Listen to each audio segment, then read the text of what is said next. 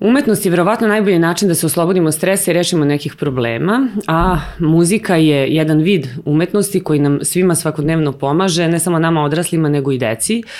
Evo, na primjer, u našoj kući kad god smo nervozni ili najđe neki moment rasprave, uh, ja samo pustim muziku i onda s klincima džuskamo, pevamo i nekako sve bude lakše. E sad, uh, tako je to sa mojom decom i u našoj kući i u većini vaših kuća, ali uh, postoje neka dečica koja su malo drugačija, koja posjeduju onu čistu ljubav, neku specifičnu nesebičnost, kako bi ja to ovaj, formulisala i sa kojima je potrebno dosta pažnje i rada, a opet sve to lakše je uz uh, muziku. Zato je danas u Mamazijani Ksenija Mirković, profesorka istorije. Dobar dan. Dobar dan koja se zapravo ne bavi svojom strukom i njena uh, ovaj, struka nema veze sa, sa ovim o čemu ćemo danas govoriti. Uh, ona je osnivač je li tako? Jedan od osnivača, da. Jedan od osnivača Udruženja za afirmaciju dečijeg stvaralaštva Svitac. Uh, možda ste čuli za, za svica i za, za svice, a neki možda i nisu, pa smo danas tu da objasnimo šta je to što ti Ksenija u stvari radiš. Možeš da nam objasniš za početak ukratko, a onda ćemo onako malo da proširimo priču. Pa ukratko je muzika. Dobro. Ali ako pričam sad o muzici, muzika je potpuno nepotrebna u životu. Mislim, egzistencijalno nam ne treba. Pa da, ali mi ne moramo da se bavimo muzikom da bi da. preživeli, ali zato možemo da koristimo da radimo sa njom. I sasvim slučajno sam ja krenula da radim sa decom s razvojnim smetnjama još 2001. godine i to su bile neke kratke forme upoznavanja sa decom koji imaju autizam i druge razvojne mhm. smetnje i od toga je nastalo neka druga moja školica za muziku gde smo se baš samo bavili muzikom pa kasnije svitac.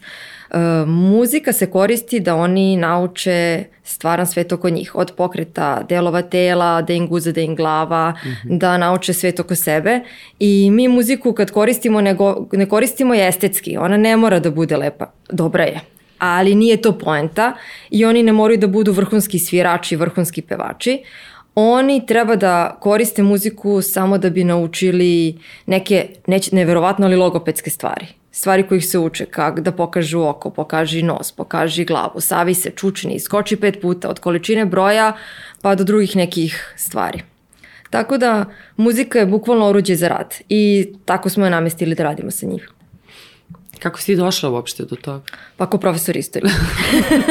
Kako istorija dovede do, pa, do o, ovog zanimanja? Tad su mogli nezavršeni studenti fakulteta da predaju osnovnim školama. Ja mhm. sam radila u osnovnoj školi Ljubane Nadović mojoj, gde sam ja završila osmi razred i pošto ono crv mi ne da mira, morala sam napraviti neku završnu pozorišnu predstavu I sutra dan je došla devojčica koja je pevala u horu i rekla, molim vas javite se moje mami. Na vizit karti je pisali Jasmina Jovanović, psiholog. Reku, šta sam ja uradila, imam 21 mm -hmm. godinu, moram da se javim nekom psihologu. Ispostavila se da je tada Jasmina bila vede direktor Anton Skale, to je osnovna škola za decu s razvojnim problemima. I zamolila me da to isto što sam uradila u redovnoj školi primenim kod njih. Tako da je napravljena neka završena priredba koja je tada bila naučno-fantastični film i od tada nikad nije ništa prestalo. Samo su se menjala deca, ona su porasla. Naše udruženje se zove za afirmaciju dečeg stvaralaštva to ono osnovalo pre 11-12 godina, ali to sada ljudi, oni sad imali 10, 15, sada imaju 30, 20. Znači oni ne odustaju, dolaze Kako? Još uvek dolaze. Koliko često je to? Jednom nedeljno? Pa sve zavisi mesečno? od projekata. Aha. Mislim, to nas u, u suštini uslovljava kako radimo sa njima i koja je vrsta projekta i koliko je nešto često. Mislim, i kad imamo pozorišne predstave, onda je to vrlo intenzivno 3-4 meseca pred samu pozorišnu predstavu. Ako snimamo mhm. film ili radimo seriju, snimali smo čak dva, dve po 10 epizoda, onda je to celogodišnji projekat i priprema i rada sa njima i snimanja, tako da ono kad neko kaže o to izgleda lako, sa nama da, inkluzija izgleda mnogo lako, a iza toga je uh, jedna velika priprema i opasan rad. I vaspitanje, znači to, to je jedna velika tema koju ćemo mi da pričamo verovatno, ne vezana za muziku, to jeste da mi moramo prvo da napravimo i da naučimo decu da nas slušaju. I nevezano je da li oni imaju problem ili da li uh, su, ne znam, verbalni, nisu verbalni, da li slu, slušaju, ne slušaju, koliko su isključeni, uključeni, jer mi kad pričamo bilo koji diagnozi, to je spektar. Svaka diagnoza, autizam, Downov sindrom, cerebralna paraliza, oštećenje sluha, razvojna disfazija, bilo koji pervazivni poremećaj, to je sve spektar od 0 do 100. Vi uvek imate i bolje i lošije. Ono što je zajedničko za njih to su neke neka ponašanja, neka načina razmišljanja i obrade informacija. Tako da to, ja, mi kažemo uvek diagnoza nije važna. Važno je prvo da nauče da nas slušaju i da se vas pitaju, a kao i roditelji zajedno sa njima. E, teško je nekad uh, naučiti decu koja nemaju razvojne smetnje da, da slušaju. Tako je, ali mi, mi često... je tebi izazov onda sa njima, s obzirom da ti nisi defektolog, pedagog, uvek je tu ideja da je neophodno prisustvo Defektologa? Recimo, defektologa, recimo, ili... Pa da i ne, ne. Mislim, to moram da kažem. Mislim, ja sam uvek imala i još uvek imam defektologe oko, oko mene i nas tim, naš tim je naš četiri. Od toga su dva defektologa, profesor fizičkog i ja. Ali hoću da kažem da nije neophodno. Mislim, da, super je defektolog, ali ono što zaista treba da uradite, a hoćete da naučite kako razmišlja autizam, mislim, to je potpuno neka druga vrsta razmišljanja. Ja sam sa 21 godinom odgledala Temple Grandin film i pročitala knjigu Neobičan, Neobičan događaj sa psom u noći. I to preporučujem svima. I na tom principu ćete da znate kako autizam razmišlja, neverbalni, verbalni, nebitno. I to je bilo svo moje znanje o tome. Od te dve stvari koje su ono komercijalne se napravilo ovo da mi sad imamo predstave, mislim, kad kažem predstave, to nije nisko budžetno, to je stvarno dobro dobra muzika, odlično svetlo, njih gleda između 1000 i 2500 ljudi. Mislim, oni kupe kartu da hoće da ih vide. I ja sad kad to nekom objašnjam, on me gleda kao belo, ma daj. Mm -hmm. Ali stvarno, mi smo došli do toga da imamo našu publiku, da imamo ljude koji prate klince, koji imaju razvojne smetnje, koji, kojima je stalo, da gledaju priču, priču koja ima početak, kraj, zaplet i da podržavaju klinca. Ne ono podržavaju, a super, ti si to uradio. Ne, to je dobro. To je komercijalno dobro. Došli smo do tada. Dobro, bi mi napravili... na nivou i onih koji, mislim, I bolje onih nekad. koji jeste, ko, koji I bolje nemaju nekad, nikakve da. smetnje, a bave se. Da, bave i hoću da kažem, onda smo došli dotle da to stvarno bude prvo dobro komercijalno, mm -hmm. onda da, se, da bude njima zanimljivo, ali da bi ti, vi napravili da vi želite nekoga da gledate sa razvojnim smetnjama, mm -hmm. vi morate od njih da naučite da ćute i da slušaju. I kad mi neko kaže ne može, ja kažem može. I onda vi imamo nekad jako veliki problema da, da roditeljima objasnimo da papir ima dete, diagnozu ima dete, nemate vi. I ne možete da se ponašate po principima koje ono zahteva od vas. Tipa, oni dođu kod mene razgovorom i ja, Mislim, kad se dođe kod mene razgovor, roditelj kreće, znate, moje dete voli muziku. Kako? Mm -hmm. Zato tako što se klati uz reklamu ili omiljenu pesmu. E, vi od toga klačenja treba da napravite nešto. I onda dete priđe roditelju i digne ga sa stolici. Kaže, što ste ustali? Pa podigo me. Pa mi razgovaramo. On, vi morate da sedite. Nema da se ponašate po njegovom obrasu. No. Nije pametno, nije dobro. Mislim, ja često ponavljam rečenicu koja glasi i mi na njihov Mars ne idemo, oni su došli kod nas na Zemlju. Ajmo tako da se ponašamo ko je koga tu rodio. I ako hoćete da produbite probleme, samo napred. Dajte mi im tablet, dajte im da jedu kad god hoće. Oni se verovatno plaše njihove reakcije možda, ako ne, ne pa poslušaju iz... uslovno rečeno naređenje pa, slušajte, ili... mislim, ja sam gledala roditelje koji se plaše svoje dece. Mislim, oni su patašonci od 10 kila sa krevetom i naprave scenu tako što krenu da vrište. Pa šta? I ni tipa bacio je stolicu, mama je sva. On je bacio stolicu, on je besan, a on nema 90 cm, metar, mislim, metar 20.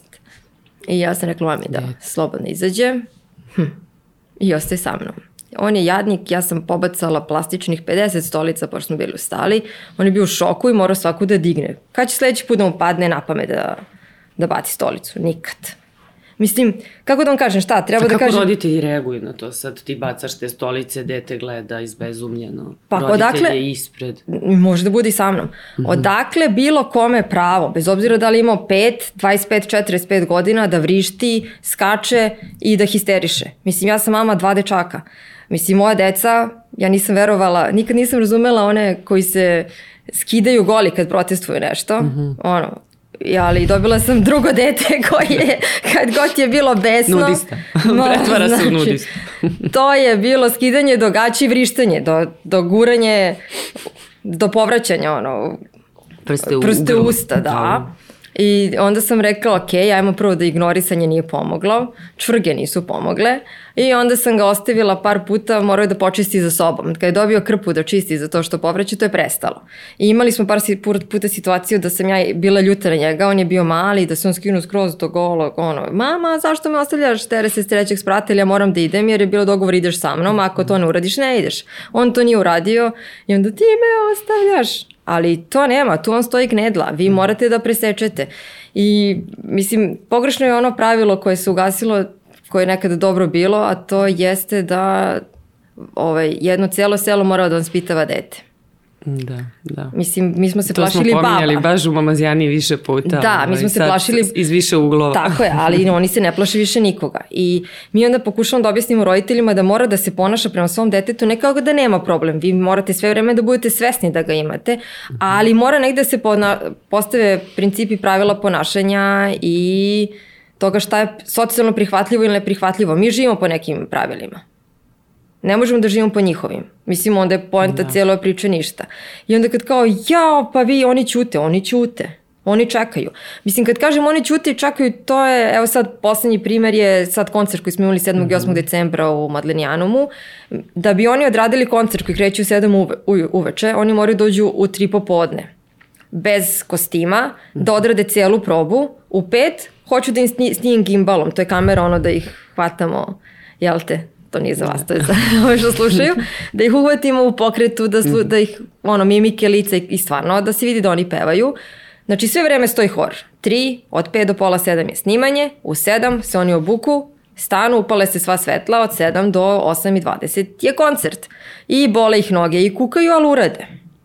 I sad kažu kako? Nauč, naučili smo, zajedno smo naučili. Oni zato što čekaju aplauz, mi zato što znamo šta možemo od njih da očekujemo.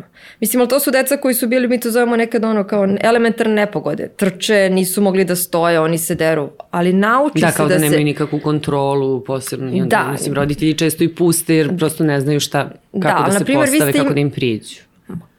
Kao i bilo kom drugom detetu. Jeste kao i bilo kom drugom detetu. Mislim, na binih je 51 bio sad. Od toga smo imali pomoć šestoro tipične dece. Sve ostalo su imali bilo kakvu smetnju. Imali smo neverbalnu decu na bini, koji stoje i čekaju da pokažu imitaciju koju treba da mhm. pokažu određene pesme. Tako da to može. Radi. Ne progovaraju, samo imitacije, ili tako? Samo progovaranje, mm -hmm. da, samo imitacije. Mislim, imitacije kad se koristi muzike, kad se radi mm -hmm. sa mhm. decom, imitacije je početak svega. Vi ne možete naučiti dete da govori ako ne zna da imitira pokret. Prosto neke razvojne stepenice ne smiju da se preskoče. Morate da ih naučite prvo da se imitiraju, jer imitacija je osnova igre. Vi ne možete da se igrate sa vašim drugarima ako ne znate da imitirate pokret. Ne možete imitirati igru zato što ne znate kako da priđete. Mislim, ja ne znate da svirate ako ne znate da imitirate Da kako da se radi. Mislim, ja pokušam da objasnim i kad smo držali neke seminari, tako, mozak je glup. On treba da prima informacije. informacije. E sad je problem što su nama receptori pokvareni. I sad informacije koje se primaju idu u neki apsolutno pogrešan folder. Ali onda vi sa tim morate nešto da radite. I nama, na primjer, roditelj kad dođe da nam dete kaže možete da ga popravite. Ne možemo. Tim rečima. Pa da. Šoku sam. Znači, kao moje dete pokvareno, izvolite, izvolite kod majstora. Da, ali kako da kažem, ne možemo, ali možemo da poboljšamo nešto. I to je nekad jako teško objasniti roditeljima da neka stanja će da ostanu takva kakva su, da ćemo mi da radimo stepenik po stepenik da to poboljšamo do situacije da bude najsamostalnije što može. Mi smo nekad njima zahvalni kad znaju da obrišu guzu i da operu ruke. Mislim, ne može... Dobro, to je neki minimum, ali ako ni to nisu bili u stanju da urade, onda je veliki uspeh. Pa kako ne? Mislim da odu sami do, to, do, do, toaleta. Da, do WC-a, ništa drugo. Jer vidiš da ne mora niko da te prati tamo. Mislim, i onda ljudi očekuju kao kad će onda nauči da, da pređe ulicu sam ili da kupi hleb ili da nešto. Pa ajmo prvo da grešimo životno bitne stvari, onda ćemo kasnije da pričamo o nekim drugim. Tako da moramo stepenik po stepenik i sa njima i sa roditeljima. Isto tako, roditelji nekad ne žele da vide da njihovo dete, to jest jako teško prihvataju da njihovo dete je drugačije i mi imamo ono što čime, čime se jako susrećemo jeste, ja to zovem diskriminacija unutar diskriminisane grupe. Mm -hmm. Da ne žele da ih vide sa, sa drugom decom sa smetnjama u bin, na bini, uh, moje dete je bolje. Ja sam baš mislila da, da im to odgovara. Mislim, nekako su oni društvo, ekipa, jer eto, slični su, pa se... To ne veze s detetom, to ima veze s roditeljima. -hmm. Mislim, svi smo mi različiti roditelji. Vi kad uđete u odelenje, ja kad uđem u moju Viber grupu roditelja moji, moje dece... Nije ti dobro. Nije mi dobro. Razumem. Mislim, to je ista situacija. Zato kad sam rekla da moram da vaspitavamo decu, mi tako se isto ponašamo i prema roditeljima. I kroz svitac je prošlo puno i deci i roditelja. Neki mogu da prihvate naš, sa, naš način rada, neki ne mogu. Mi nemamo Mi nemamo problem sa detetom. A zašto ne mogu? Šta je to negativno što vi pa, uradite? Evo lep... iz tvoje priče meni sve deluje bajno i sjajno. Pa da, ali ja i ti nismo roditelji deteta koji ima razvojne Aha. smetnje. Ali njima je jako teško, oni svi hoće da idu u redovne škole. Oni svi mhm. žele da završe dobre srednje škole. Oni svi žele da, mislim, uh, problem autizma je, oni su svi lepi. Oni su, uh mhm. vi imate osjećaj kao da će oni sutra da ustanu da vam kažu dobar dan. Njihov invaliditet se ne vidi. Mislim, da. za razliku nekih od drugih. drugih da, da. da, da. Ili sve bilo kakve govoro jezički problemi, njima se ništa ne vidi. I vi i to, i to nekad i zna da zamajava. Mislim da vas navede na pogrešnu... Da kamuflira malo da, problem. Da, da. da. I, ovaj, ali generalno on postoji. I onda je, na primjer, moj najveći problem s kojim ja imam jeste ono moje dete bolje od drugih. Nije.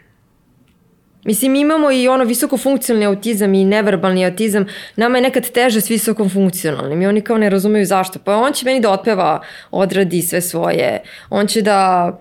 Oni on, u principu on, mogu sve. Tak, Mislim, kao, deluje kao da kao su da okay. mogu sve.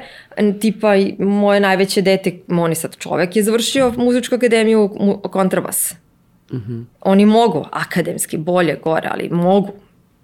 Ali neke tako socijalne strukture da mi prenese, ne mogu mislim, neke stvari bukvalno shvataju naprave problem, jako teško doživljavaju. Mislim, nekad je meni jako teško sa njima, pogotovo ovaj deo puberi, puberiteta, što bi rekao moj mhm. svekar.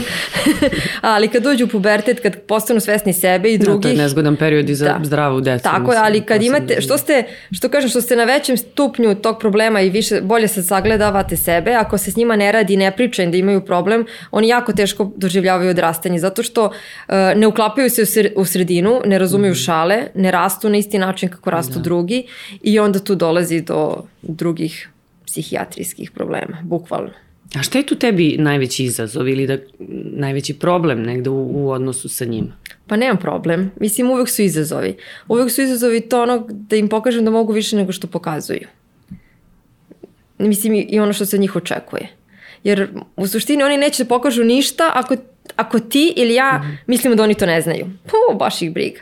Mislim, oni, to je ono, autizam neće nikad sam protiv sebe, nijedna dijagnoza neće sama... Ti u stvari sama... daješ do znanja da veruješ u njih, da oni to, izvini, da oni to mogu, je li tako? Da pa, ali da mislim, moramo da budemo svesni njihovih ograničenja. Mislim, nećemo da damo nešto što on realno da ne može da, da. da. Mislim, Ovaj, ali hoću vam kažem, ako ja znam da ti možeš da se okreneš tri puta i da se ti ugasiš na klik, da nećeš, hm, ja ću da čekam dok se ti ne okreneš tri puta. I ako se okreneš jedan put, moraš svaki sledeći put. Jer to je poanta cijela ove priče, da, da budeš prisutan, budeš tu, jer ako ti ne znaš da on zna da se okreće tri puta, ti kažeš ne može on to da uradi. I ono neće ti pokaže. Mislim, neće oni da pokazuju više nego što znaju. Lep, da. lepo je u tom bazenu u kome plivamo. ne moraju, ja? Ne mo mislim, da, od njih se očekuje, ali Ja sam čitala ne da si ti iz muzičke porodice, ali to je istina, da, ti se, da se svi u tvojoj porodici na neki način Da, osim muzikom, roditelja. Osim, osim roditelja. Osim Aha, roditelja, dobro, da, ali, ali oni, oni su, nas je petoro, uh mhm. -huh. ja sam najstarija, imam tri sestri, još jednog brata poslednji. Uh mhm. -huh. Da, i svi su, ono, imam šta violinistu, udarače, čeliste, te ono profesora solfeđa. Ja, ti si otišla na istoriju i, i završila opet nekako. Da, da, ja sam otišla, mislim to je bilo zanimljivo, u nama na četvrtoj godini su rekli Pa vi u suštini ne možete upišete ništa osim muzičke akademije, mm -hmm. iako čekaj da vidimo naše opcije kakve su i, mm -hmm. i mislim da je to bilo dobro. Mislim, mislim da je taj filozofski fakultet i moj šok 1. oktobra kad sam otišla tamo bio nešto najbolje što se desilo, zato što muzička škola srednja je muzika non stop. Vi kad imate pauze, vama svira mhm. saksofon i gitara muzik, da. pozadi. Mislim, mi neke stvari socijalne, u smislu dešavanja, ja sam rođena 78. ono, 96. 90. Ništa nismo, kako da vam kažem, nismo bili svesni toga. Šta, nama je bilo život polutra lalajka. I onda odete 1. oktobra na drugi fakultet, među, mi nije bitno što su istoričari i 70% su muških, svi su došli s mhm. novinama koje vi niste kupili nikad. Da, istoričar. Mislim, sećam se, to je bio i moj fakultet, samo drugi, nije taj smer, ali to, Ko ti slika se novine seća. Da. sa 18 godina? Istoričari. To je Filozofi. bilo... Da. Tako da je to... A nema muzike ni. Nigde. I još nemaju sluha, ja, tragedija. Ali hoću da kažem, to jeste dobar kulturološki šok, jest, Mhm. stvarno jeste i puno toga se nauči drugo. Tako da je to dobar balans. Iz ove perspektive ne dobar, odličan balans. balans Da, ti si to mislim. nekako sve iskombinovala, čini mi se, i, ovaj, i sad prenosiš na sad ovo je što to, radiš. Da, sad je to dobro. Sve ima svoje. Jel, muzika drugačije se uči. Učenje, sedenje i učenje drugačije se uči. I mi sad moramo da naučimo decu da to što rade moraju da, da dobro nauče. Jer mislim, mi s njima radimo individualno i grupno. Kad se radi individualno, to je jedna potpuno druga vrsta rada, jer on može nas da, bilo koje dete nas sluša, jer ste vi oko njega, bukvalno kažem, naša energija je metar oko njega, on ne može da ode nigde. A onda se stvara nešto što se zove problem transfera informacija. Problem transfera u grupi, jer tad šta smeta mi buka, smeta mi ovaj, ovaj šuška, ovaj ne znam, me pipka. I sad on to isto što je pokazao sa mnom mora da pokaže i u grupi. E sad, to u grupi je nekad teško, mora se čeka. Ali to je poenta, oni nisu rođeni sami, rođeni smo u socijalnom društvu, moramo da naučimo da se ponašamo kako I da po pravi- komuniciraju na ovaj onaj način. način. Tako i da se ponaša kako grupa traži od njih, a ne ti tebe kao jedinke. Tako da je to ono drugi problem kako preneti transfer informacija Da. dalje. A e, pričali smo o tome pre snimanja da je kroz e, e, udruženje Svitac prošlo ne znaš ni ti koliko, jel? Ne 200, znamo. 300, par stotina dece sigurno. Tako je, mislim oni dolaze kod nas da mi radimo sa njima. Da, jel ti se čini od 2012. od kako radite do danas, mada ti si od 2001. u, u Tako je. da, da ih ima više ili da je to uvek negde sličan broj? Pa ako pričamo o nekoj statistici, jedan, posljednja je bila, ja mislim da se ona sad čak, čak i smanjila, ali negde na 66 dece jedno se rodi sa problemom. I to je puno, znači to više nisu neka tamo deca. Nama se dešavalo da imamo šestoro dece iz istog parkića. Praktično ne postoji niko ko ne poznaje nekog da. bar I koji to, je, I sa to vi ne možete da smetnjama. kontrolišete i ne možete da izbjegnete i ne možete, neke stvari se ne vide čak ni genetikom, ultrazvukom i onim prenatalnim testovima. Tako da to su neke stvari koje ako vam se do, desi, mi kažemo ok, pa šta? Mi od toga ne pravimo, kao moje dete ima problem, ok, pa šta, moje dete ne govori dobro u redu, moje dete ne zna ovo u redu, ajde dovedite ga. Mislim, mi od takve dece možemo da napravimo predstavu, da od toga ne napravimo neku famu, a da oni budu srećni i budu vrlo svesni toga da su oni nešto dobro uradili ili su dobili aplauz na kraju i ti- vi sa njime možete posle toga da ucenjujete. U, ucena je iz raja izašla. A to je... Ako to ne budeš uradio, neću Dobro, više da pevaš. vaspitni metod. Pa, mora. Ali hoću vam kažem, ali radi. Mislim, stvarno Znači, stalo im je to, znači da im je baš stalo Pa kako da drugačije da znate članovi, da... da, Tako da, je. i da učestvuju. Oni žele, mislim, oni, mi njih kad god imamo priliku u finansijsku, jel te, mi ih odvedemo na more, mislim, zajedno sa roditeljima, ali to je jedna vrsta, što kažemo, terapije i s roditeljima i dece. I sad vi kad njih pitate koja je omiljeno more Bugarska, zato što tamo išli. Išli to je omiljena zemlja, da, i to je omiljena zemlja na svetu i sve. Ali hoću da kažem, to su neke iskustva koje su nezamenljiva. Mislim, prvo roditeljima, jer ta plaža je mesto gde vi ne morate da objašnjavate da samo vaše dete mora da juri naokolo. I zašto je ono drugačije? Mi smo svi čudni na toj plaži, jel te? Zajedno nas ima, najviše sam ih vodila 101, ali mislim nisu to bila samo mora. Mi smo ih vodili, na, u Kotor smo vodili na Međunarodni festival pozorišta za decu. Tri puta smo bili tamo, onda posle A sada... roditelji su uvek sa vama? Ili... Pa da, kad je mora u pitanju, ja nisam baš toliko hrabra Da, da, da, ih pa pustim da, normalno, da, da. da mi plivaju. I ne treba da budeš. da nisam toliko stvarno. Ja kažem i šume bi ih izvukle za more, nisam baš sigurna.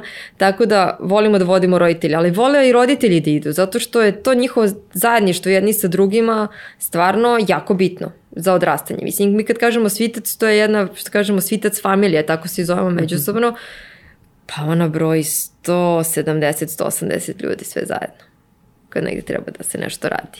Da, to je, to je baš dosta, zato što, mislim, pričali smo o tome, o tim statistikama, koliko je to danas učestalo i negde post, postaje onako uobičajena, mislim, Pa, pojava norm, pa da, nažalost, normalna pojava, da. ali I- roditelji su drugačiji, mislim, sa njima očigledno isto treba Pa da se radi, neki imaju je. velika, ali imaju ali velika očekivanja pojedini da sad, ne znam Pa šta ne, ti nije možeš da napraviš čudo neko. pa ne možemo da napravimo da. čudo. Mislim, mi se više puta pominjala, izvini, da vi ne možete tu ništa da, ne možete dijagnozu da izlečite, da je eliminišete. Ne možemo. Samo možete da naučite dete da, da se, jesti da se možda lakše adaptira na, na svet u kojem živi, na tako svoje okruženje i tako. Tako je, zato što, mislim, mi, mi često pričamo mnogo o njihovim senzornim problemima, mm -hmm. te mhm. smeta im svetlo, smeta im miris, svet, smeta im čekanje, smeta ja, izvijem, bio neki primer za fen, nešto. Ja, smeta im zvuk fena. Zvuk fena, pa, pa ste znam, kao bušenje. imitirali uh, vetar, da je to kao vetar, pa su onda prihvatili ma, fen. Ma dali smo im u ruke, e. suši drugara, mislim, pokvasiš čarape, moraš ih da. osušiš. Da. Ali hoću da kažem, to su, ako se mi mnogo budemo bavili time, da njima za, ne znam, smirivanje treba ne znam kakve sobe, ja ne mogu svaki put da ih odvedem u senzornu sobu da se oni smire. Moraš se smiriš sada. Meni smeta, ne znam, grebanje po šerpi. Smeta i... Da.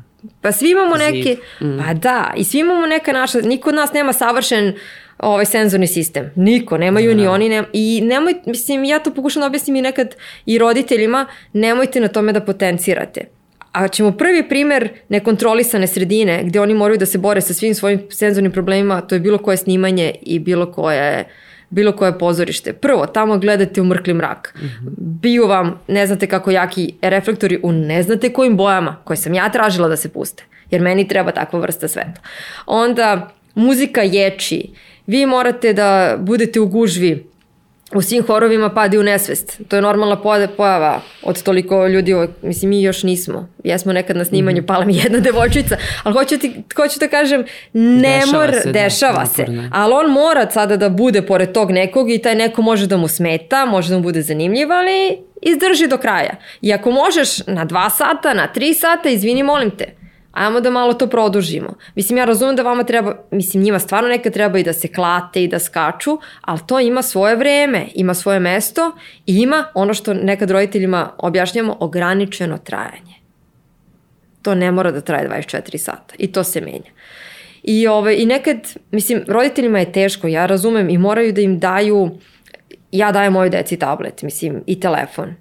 I sve to stoji. Jer meni treba moje vreme, njima treba njihovo vreme, ali to sve mora da ima ograničeno trajanje. I onda mi nekad kažemo, napišite sebi, stavite negde na vrata da ako ne znate čime da ih zamajavate, stavite sebi na vrata slaži kocke, igra igrice, donesi mi ovo, radi ovo. Do, mislim, samo čitaj, ne moraš da razmišljaš, samo pročitaj sa tih vrata, jer je jako teško biti terapeut, jer paralelno sa roditeljskim obavezama postajete i terapeuti tog detetu, jer morate da ga uključujete u, u život. I Ono što se još potencira, mislim, jako je teško roditelju da se odvoji od svog deteta koji ima razvojnu smetnju. I mi nekad kažemo da tu pupčunu vrpcu mora da preseče mama. Jel detetu mm. lepo? Nama je super da, da ne moramo ništa. I nekad mi moramo da tražimo od njih da nešto urade i da gledamo sa strane i kažemo ne, ne, ne, neću ti pomožem. Moraš sam. U uh, Svicu su deca sa razvojnim smetnjama, ali videla sam da su često i brat ili sestra koji su zdravi, ok, zajedno sa njima. I to negde onako njima daje jedan poseban smisao, jer zajedno učestvuju u nekom projektu, pa možda i mogu i da pomognu. koliko to svima njima znači i koliko je, kolike su razlike, šta je u stvari najveća razlika između te dece i recimo njihovih braća i sestara u nekom, da kažem, emotivnom smislu, jer meni oni uvek deluju tako je, preemotivni i tako puni ljubavi, ovo što sam na početku rekla, drugačiji su od, od ove dece koja samo nešto traže, traže, traže u materijalnom smislu, da, znaš, de, prosto braće, takav je njihov da, svet. Posebna, posebna struktura jesu braće i sestre. Mislim, to su deca koji su startu opterećena sa svojim rođenjem, jer imaju nekog pored sebe da. ko nije isti, onda oni do, doživljavaju uh, svašta od svojih vršnjaka, odelenja, nekad im ne dolaze kući. Mi smo imali situacije da nikad nisu imali zajedničku aktivnost. Dva brata, sestra, brat. Je li jako teško? Uh, moja deca, tipična, su odrasla sa decom s kojim ja radim. I njima ništa nije čudno što neko nešto ne može. Mislim, i s druge strane, ja, ja od moje dece nikad nisam tražila da rade i da se bave i da prilaze deci koji imaju razvojne smetnje. Prosto to se desilo spontano. spontano. Da. S druge strane, e, kad se priča o inkluziji i kad se priča o bilo kakvoj inkluziji, priča se obično samo na nivou školovanja. Što je bez veze. Mislim, to je glupost. To ima krok trajanja i mislim i često je pogrešno. I vi, ali vi tra, insistirate na vaše dete da ide u redovno sistem školovanja i da bude najgore u odalenju. Pa, i... vrlo često i problematično i od Ma... strane prosvetnih radnika i tako, gde se žale, I... gde im smeta ta inkluzija. Ne mogu da se bave ono jednim detetom, a da ovi ostali budu ali na čekanju. Ali to je okej. Okay. Ima raznih ne, komentara. Ali to je u redu. Da. Zato što ja nekad, ne, mislim, evo vam sad primer, jesmo gledali, od pre malo pre, od, sa stolicama. Jel vi smete to da uradite pred tipičnim detetom? Da pokažete da je to model ponašanja za neko ko ima problem? Ne smete. Jel fora je tome što nekad ja, moja istrajnost, mora da bude takva da to ne može da vidi tipi, dete tipičnog razvoja. A sad da se vratimo na braću i sestre, mm -hmm. e, ovo je zajednička aktivnost kad pravimo predstavu ili snimamo nešto. Nešto što oni prvi put u životu rade zajedno. I onda se i braći i sestre se spoje na jednom mestu sa, jer imaju iste su im, mhm. iste su im priče, iste su im probleme. Kao što se bavite roditeljima, tako morate se baviti i drugim članovima familije. I onda oni tu se ponašaju potpuno opušteno i idu čak i na rođendane sad zajedno, mogu da idu i kod jednog i kod drugog člana, i tipičnog i netipičnog, i vode se celo društvo. Zato kad kažem Tvitac familija broji puno ljudi, to je sada jedna više od organizacije. Oni sad mogu da imaju sredinu u kojoj su svi podjednako opušteni. I mogu da podele kad ih nešto muči. Da, ovi koji su prerasli, da tako kažem, koji su recimo krenuli tamo 2012. 13. i sad su već odrasli, na primjer braća i sestre se nekad jave, dođu da vas ne, obiđu. Oni su, oni su nam asistenti. Aha, Mi od njih očekujemo super, da, da. da oni žele tu sad da budu, ok, ne mogu da glumim, a bez veze, što nas nisi, to je bilo, šta, mi nismo sad ispred kamera, ne, ne, ne, sad ste iza. A, dobro. Dobro, imaju nove uloge, proširuju vidike. Pa da. A, a, ovaj film Nerazumevalica se tako zove. Tako je. E, pogledala sam nekoliko scena i ja uopšte tu, recimo sada mi je neko sa strane ovaj, rekao samo da je film, čini mi se da ne bi primetila da, da ima uopšte dece sa, sa smetnjama. Samo ok, kostimi, da oni glume, da su možda napravljeni neki onako likovi drugačiji, ali to je sve deo, deo filma, to, mislim, odlično je urađen prosto kao deca Hvala. koja su, e, i ovaj, kako, kako ste došli do toga, mislim, ja sam bila fascinirana da je to... Da, tema nerazumevalice je suštini nerazumevanje govora, mislim, to je baš onako njihova tema. Vi ako prikazujete njih, ako ih stavite u kostim, oni mogu, i pogotovo ako stavite u bajku, oni smeju mm -hmm. da mhm. budu čudni. Ne moraju ni da glume. Upravo to, da, jer ti onda ne, nemaš, ne priš razliku da li je to sad gluma, kostim, gluma, sve ili je u paketu problem, da. ili je, da. Da, to je, ovaj, to je napravljeno tako namerno i on je pušten na nekim baš dosta festivala, mislim dobio neke silne nagrade. Ne mislim ja to pratim, da, ja sam prestala, prestala da pišem kad je šta dobio. I onda smo mi shvatili da mnogo nema toga koristi, jer to mi pošljemo na festival, to vidi nekih 10, 20, 30 ljudi i sad čekamo da imamo gde ćemo da ga pustimo sad ovde, da ga vidite vi svi. Ali hoću da kažem da je to bila jedna borba, mislim, oni su snimali na 42 stepena u Uf. Nekim mestima Srbije do kojih je nemoguće bilo doći u, ne, do, u zatvorenom kamenolomu na Fruškoj gori, tipa u nekom u Šalincima u okolini Smedereva. Onda tako našli da, smo neke... specifična lokacija. Da, neke, mislim, tamo smo našli hrastove koji imaju 150 godina, ajmo tamo da snimamo. Mislim, mm -hmm. jer moraju da do, bajku je moralo da dokaže i scenografija. I onda je to za njih sve bilo iskustvo film je drugačiji, oni su seriju snimali, serija se snima brzo, mislim to možda ide, ali ovo je bilo čekanje, pa nameštanje. Pravi pa, trenutak, pa, kad, pa svetlo. Pa kadriranje na 42 stepena, znači mi dok njih kadriramo, mi njima držimo mokre peškire na glavi. Dobro su izdržali. I oni su, da oni su carevi, da. Oni su, mislim, imam ekipu koja kuka, kuka iz mene, uho, oni su uslovi za snimanje. Rekao, ćutite, ove, mislim, njih imam tamo 12-13 koji imaju problema, oni ćute i vi mi kukate iza. Ali oni su stvarno to stoički podneli. I profesionalno. I profesionalno, to je moralo se nauči i, i teksta, i pokreta, i hodanja, i nemoj da gledaš gore u dron sada kada hod... Mm -hmm. Mislim, i onda i tačno se videlo da smo snimali gradsku, gradsku decu kad smo ih pustili da trče kroz njive. A, bode, a, ne može. A. Mislim, svašta je da, tu da, bilo da. i bacanja bubica kad, kad nam je dosta i nervoze, ali to su neki stvari koje sa njima se prođu. I oni, to je, to je uspeh, mislim, obostrani uspeh i naš i njihov, jer vi morate, uh, napredak kod njih je skoro nevidljiv kad dođemo do nekog plafona. -hmm. Vi morate da postavljate sebi i njima nove projekte da će to da se vidi da oni idu napred. I da vi budete zadovoljni jer treba vam postrekt. Zašto ste ustali danas i zašto treba da radite nešto iz početka. Tako da ja kažem da nekad obostrano je to ovaj, izazov da se rade neki novi projekti, da se od njih očekuje nešto malo više nego što su pokazali prošli put, a da to bude vidljivo ne samo njima nego svima.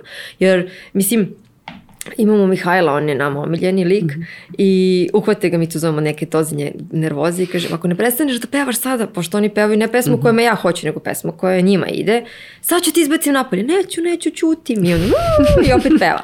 Mislim, da. mi se s njim, i on ja kažem, ali ne moraš da snimaš. Ali ja hoću da snimam. Mislim, on se bori sam protiv svog problema da bi ostao u ekipi i da bi to snimao. Zato što on video rezultat toga. Mislim, nama je bilo najteže kad smo prvi put snimali seriju. Zato što oni nisu znali šta od tolikog čekanja i rada će da, se, da izađe. Kad su oni sebe videli i na televizoru i na YouTube-u i svuda, onda sad možemo snimamo šta god hoćemo. Da, ali eto kako su se prilagodili, kako oni u stvari mogu da se adaptiraju na, na te uslove i na 42 stepena u, u hladu.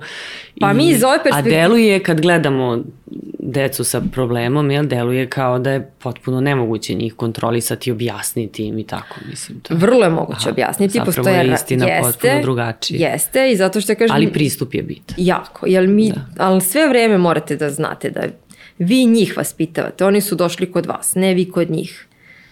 Oni moraju da se ponašaju po našim pravilima. Ja sam tu, mm -hmm. rekla sam ono na početku, ponašanje je osnova svega i vaspitanje. Da. Posle, možemo... A to važi i za zdravu decu, mislim, decu bez problema, je li tako? Tako je. I ne uspeva u, u određenom broju porodica i kuća, apsolutno. pa to je onog biver grupa roditelja. Da, da, da, da, da, Ima nas raznih, tako da stvarno i svi oni slušaju. Mislim, i roditelji kad kažem dovedite ga tu i tu, mm. mislim, roditelji su stvarno, po, nama, nama su roditelji super.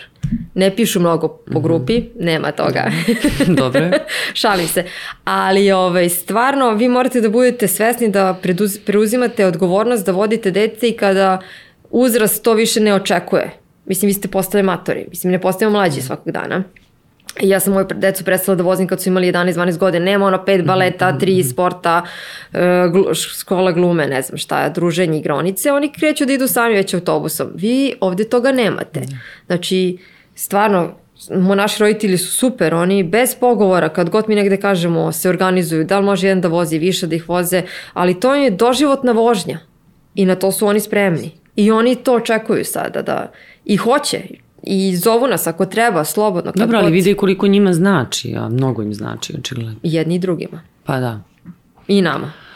a je ovaj, s obzirom da je svitac između ostalog i hor, jel moraju da imaju sluh ili mo, kogo dođe može da postane član, ukoliko to želi? Pa... Jel imaju sluha generalno? Imaju. Mislim, mm -hmm. zanimljivo je za da 99% klinaca sa autizmom ima apsolutno sluh, ali to je potpuno nefunkcionalno znanje.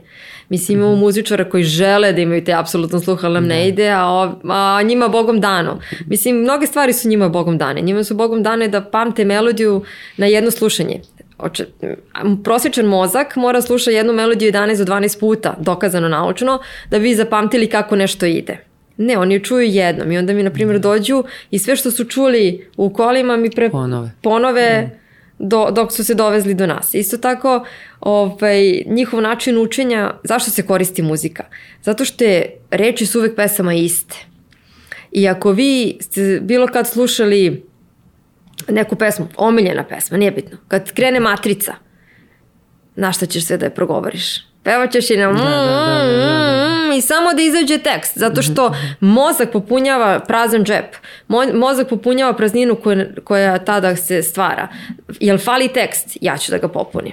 I, i uvek isti tekst. I vi uvek s istim tekstom radite. I vi to koristite kao marker. I ne možete deci da ponudite razbole se lisica, suši se ko grana. Ajde objasni to.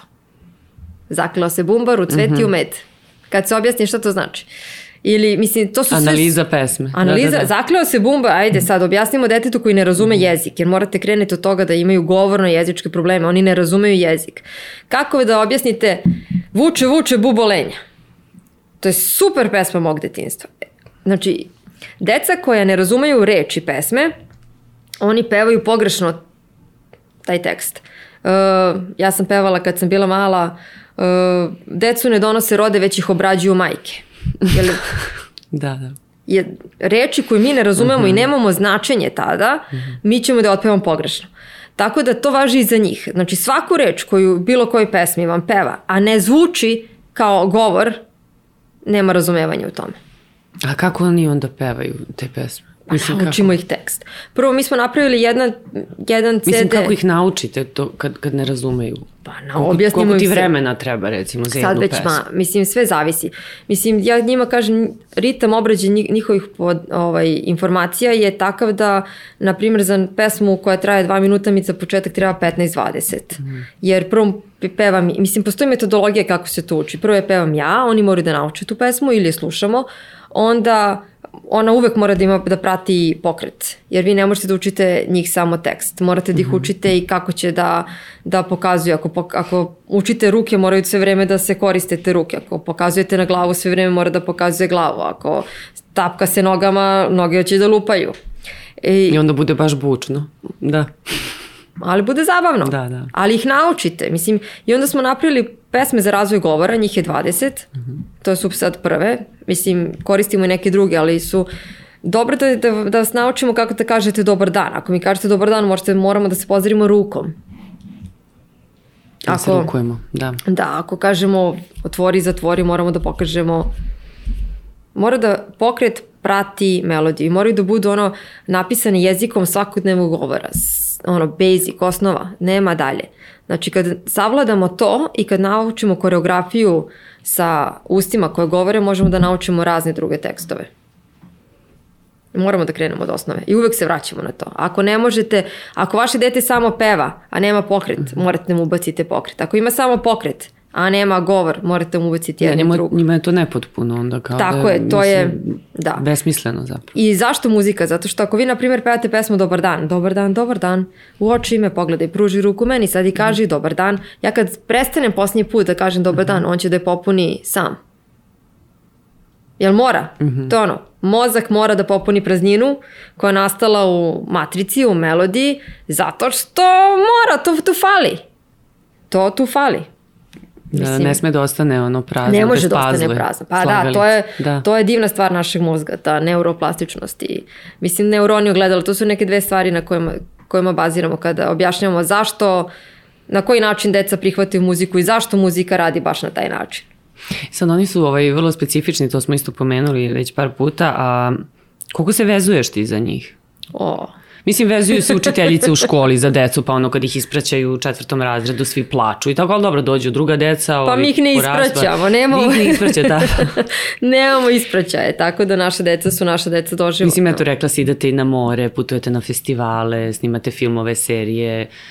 Pa ja nemam ono To radno vreme, ja nemam hora. posao. Mislim, kako da kažem, moj posao je non stop, 24 sata, ja ga nosim kući. I se dešava da te zovnu roditelji recimo u sred noći ili u neku ono, U, pa mi se čujemo doba neko- dana, ali da te pitaju za savet, nešto kao da nešto se dešava, ne mogu, ne znaju kako da reaguju, šta da rade. Da, to se jako dešava, to se dešava, ali ne toliko često. Mislim, prosto mi neke stvari hendlujemo usput.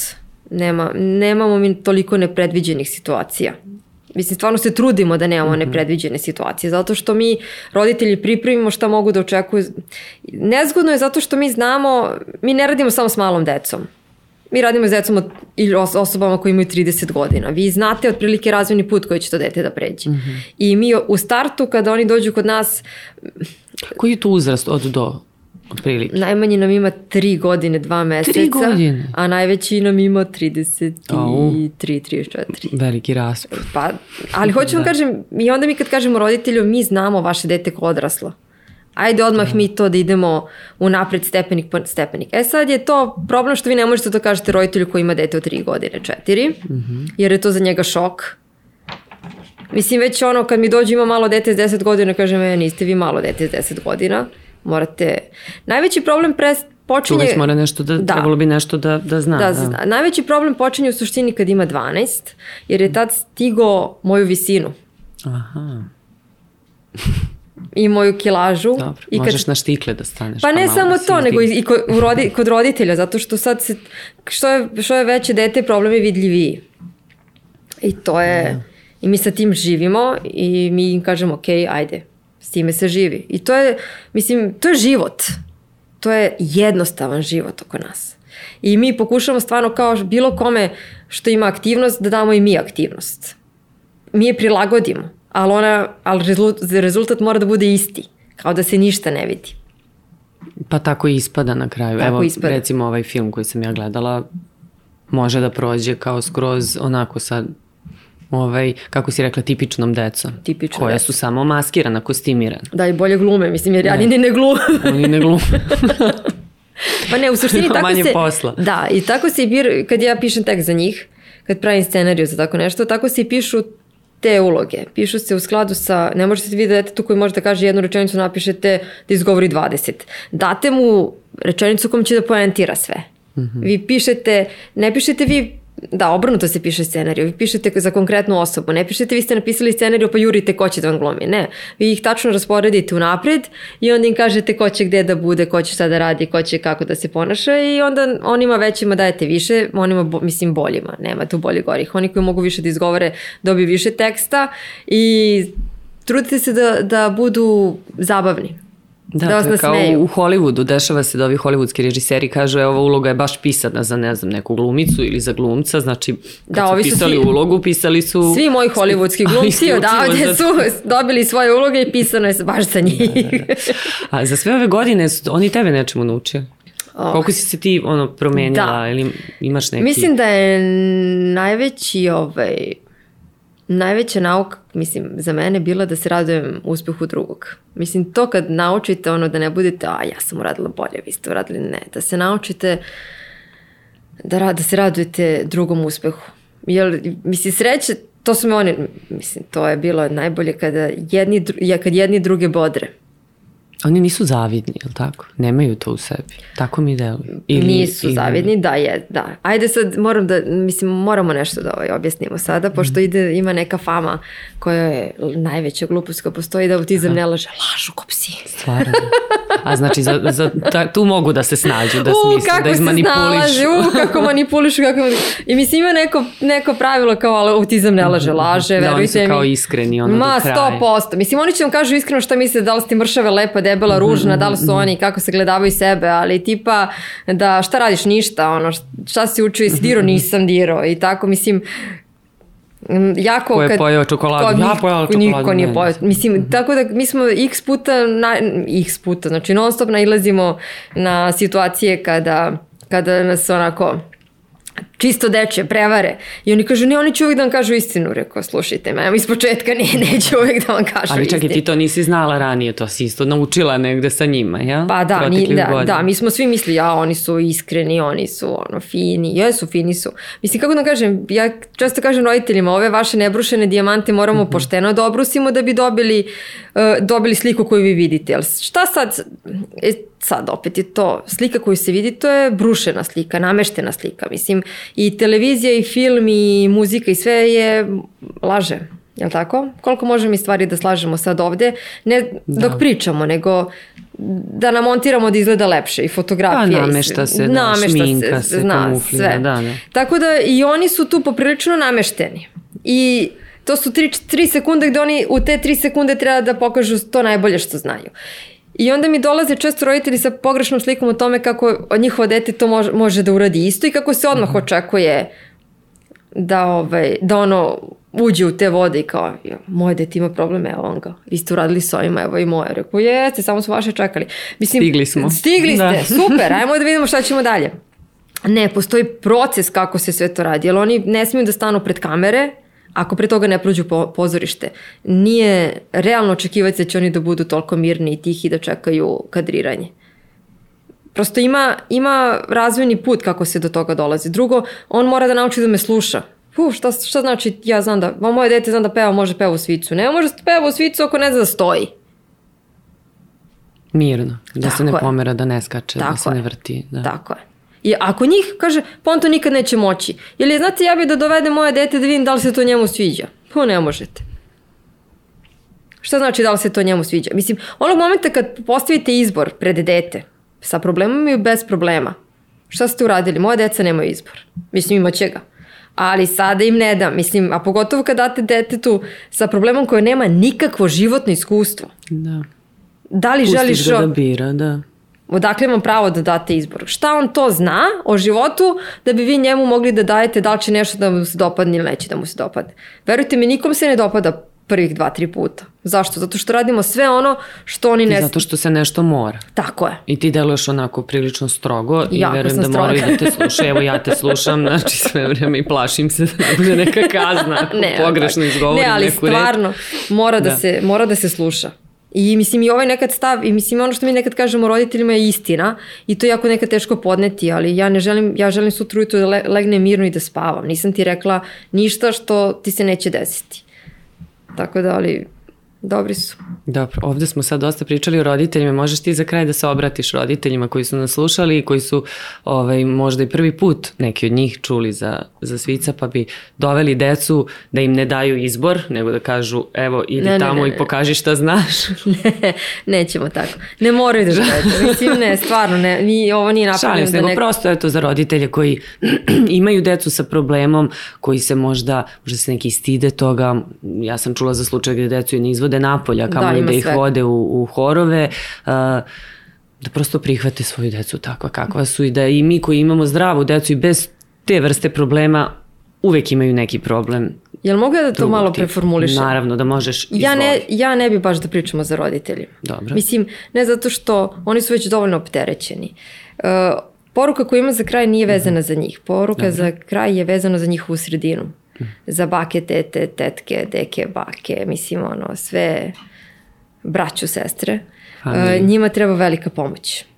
Stvarno im treba neverovatna pomoć i treba im podrška jer su oni u ne, nebranom grođu ne znaju kako da se snađu i to su sad neki sistemi ne znaju, lutaju, puno lutaju. I jako je teško da, da objasnimo da rodbini da ne trebaju oni da se plaše deteta koji ima problem. Moraju svi da ga zajedno vaspitaju. I ta vrsta toga da vi prihvatite da vaše dete, vaš brat, od- sestra, nije bitno, ima dete sa problemom i da trebaju zajedno da rastu sa vašom tipičnom decom ili negde drugde, to je najbitnija priča u celom ovaj, celoj ovoj situaciji. I neka vrsta podrške jeste da se nauče da je to normalan život bez osude i bez onoga, evo ja sam čula sad za ovog logopeda, evo ja sam čula za ovog logopeda, evo ja no, vodi ga na one tretmane, vodi ga ne. Ajmo da ga vaspitamo, da mi, mi njega naučimo da ga vodimo sa sobom na more, da sedi sa nama u kafiću, da prisustvuje slavama, rođendanima i svi mi da mora da nauči da, se, da ne mora da gleda telefon, tablet, da bude uključen u neke aktivnosti, zato što bukvalno morate da nađete načina kako da napravite aktivnost tipične deci netipične i da zajedno uživaju. Tako da je ovo više, sve ovo što smo čuli, super što su čuli roditelji, ali ova priča je mnogo bitnija za njihovo okruženje, jer oni se zbog toga što njihovo dete ima problem isključuju iz društva, jer im je lakše, ali ako bi društvo bilo okrenutije ka tome da kaže ok, pa šta i neka vrišti. Mislim, jer dete kad se baci na pod, ma, majka će da ga pokupi kao jao nemoj, neko će da, Da, pomisli. Da, da, da me, da me blamiraš tu na, na Neće ulici. dobiti kilo. Da. Neko odvrišti. Št- Mislim, moramo malo da postanemo prema deci ono, nisu oni gospodari naših života. Mm. Bez obzira što, da li imaju problem ili nemaju problem. Ali moramo da kažemo ok, mislim, i da naučimo društvo da, da deca koji imaju problem nisu nevaspitana deca. I da kažemo ok, vrišti, proći ćete. Da moraš da se ponašaš po našim pravilima. Da, pusti ga neka izbaci to iz sebe, Ma- pa idemo dalje. Samo bukvalno idemo dalje. I Samo to da je... se oko toga ne pravi drama. Ne jel? pravi se drama, ništa nikome neće biti i da, mislim, jer nekada roditelju je glupo kao jao, pa idemo linijom manjeg otpora. Mislim, moramo da idemo ovom linijom težeg otpora da bi naučili neke stvari, jer ako vi pokažemo detetu da ako on vrišti na podu i damo mu banja- bananicu da se smiri, koliko puta će često da vrišti za tu bananicu? Pa ja bi vrištala svaki put. Ne možemo da nagrađujemo- Mislim, ako znam da ću je dobiti. Tako je, ne možemo da nagrađujemo bezobrazno ponašanje. Da, da bismo i sebe negde spasili. Tako je. i izvukli se iz neprijatne situacije. Tako je. Ksenija, mnogo ti hvala na razgovoru. Baš mi je značila ova priča, svašta smo novo, zanimljivo i važno čuli od tebe. ja pod broj jedan, izvini što sam promukla danas, ne znam šta mi je. Ja sam više pričala. A onda i naš, da, pa sad tu mi se skupilo nešto, nisam navikla da ćutim ovoliko. Ove, I ne samo ja, kao što rekoh, nego i naši uh, gledalci i slušalci. Tako da, evo, vidimo se nekom drugom prilikom. Ja vam želim svu sreću na nekim budućim festivalima, sa filmovima, serijama, a pre svega sa horom. Oh, jer muzika je meni ono, number one. Uh, hvala i vama što ste bili uz današnju Mamazijaniju i do sledećeg puta. Ćao svima.